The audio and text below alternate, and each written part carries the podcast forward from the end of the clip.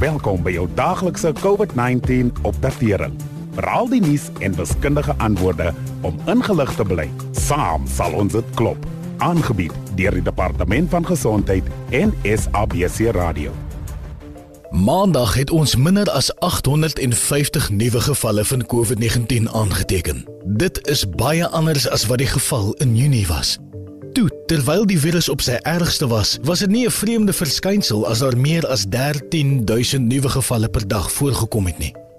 Toe hy maandag die media toegespreek het, het die minister van gesondheid Dr. Zweli Mkhize weer bevestig dat die nuutste data steeds 'n duidelike verbetering vir die land toon. En hoewel ons vereers oor die ergste is, moet ons almal steeds ons bes doen om die verdere verspreiding van die virus te voorkom en die gevaar van 'n tweede vlaag af te weer. As ons dit kan regkry, sal ons die ekonomie baie vinniger op 'n meer normale vlak kan bring.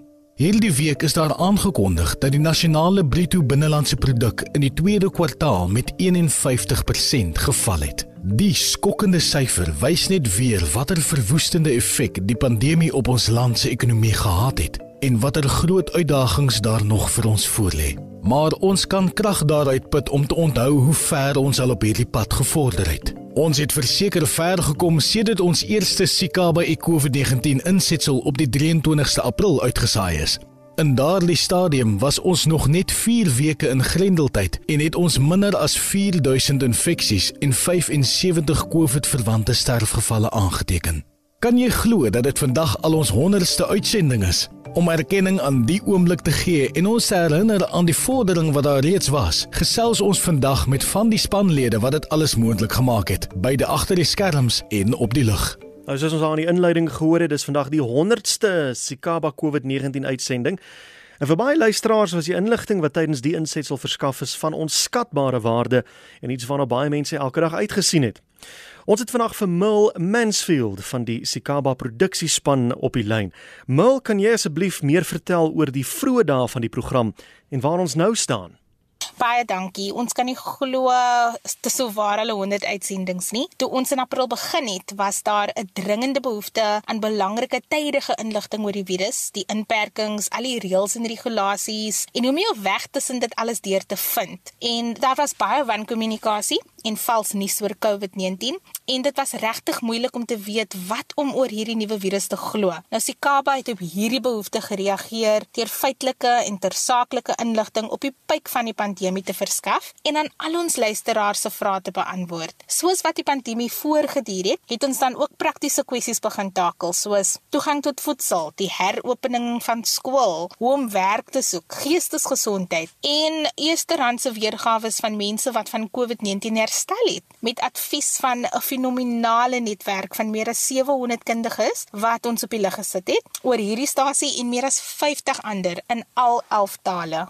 Nou kom ons gesels met 'n paar van ons gereelde gaste. Dr. Liesel Visser, jy was uh, een van ons gunstelinge gewees onder die luisteraars. Jy het ons die afgelope 4 maande van advies en inligting oor COVID-19 voorsien.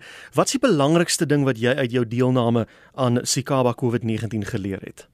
Hierdie virus is 'n vreemde virus wat heeltemal onvoorspelbaar optree.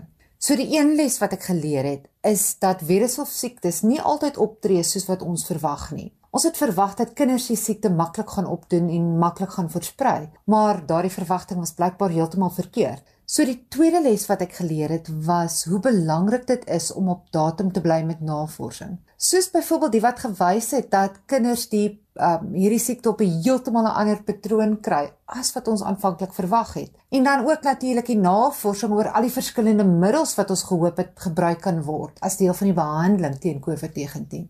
En die laaste regtige groot les wat ek geleer het is hoe effektief hande was, afstand hou van mekaar en 'n masker is teen alle respiratoriese virusse, want kyk hoeveel minder mense het hierdie jaar selfs net gewone griep gehad. So ons sal moet voortgaan hiermee want dit het 'n daadwerklike verskil gemaak in die aantal COVID-19 en ander respiratoriese virusgevalle en sterftes. Nog 'n gereelde gas was die godsdienstige leier eerwaarde John Gordon van die Randpark Ridge United Church in Johannesburg. Eerwaarde, waarom het jy by die Team Sikaba betrokke geraak? Goeiedag liewe luisteraars. Die COVID-19 virus was 'n baie onderskatte virus gewees en baie Suid-Afrikaners het hom vergelyk met 'n gewone griepvirus. Suid-Afrikaners is die tipe mens wat indien hulle nie ingelig word nie, neem hulle die saak nie ernstig op nie en kan soms nogals rebels raak. Ek het ook geweet wat die impak van COVID-19 op ons nasie sou wees indien ons nie iets daadwerklik sou doen nie. Die virus is lewensgevaarlik en het ons nasie se bestaan bedreig. Ek het betrokke geraak om die mense van ons land in te lig sodat almal 'n ingeligte besluit kon neem en dat ons almal saam die virus kon beveg en mekaar kon ondersteun in die moeilike tye. Daar is niks so moeilik soos om in afsondering te leef nie en is die gevaar altyd daar om die welstand van ons mense te vernietig. Ek is so trots om deel te wees van die talle gaste wat bygedra het tot die sukses van hierdie program waar ons kon tap van al die kundigheid van die verskillende gaste om talle kwessies aan te spreek. Die is 'n gebeurtenis wat my altyd sal bybly en dit was baie groot voorreg en ek dankie daarvoor. So 100 uitsendings later het ons eh, gevra wat van die ander kundiges uh te sê gehad het en hier's 'n paar van die boodskappe wat ons ontvang het.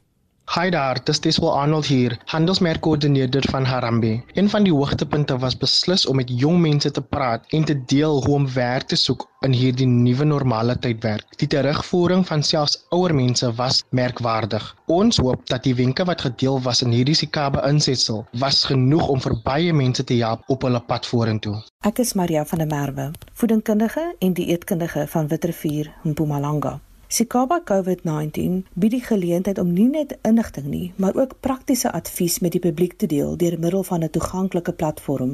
Vir my is die hoogtepunt om terugvoering of verdere navrae te kry na aanleiding van 'n radio-insetsel of gesprekspunt.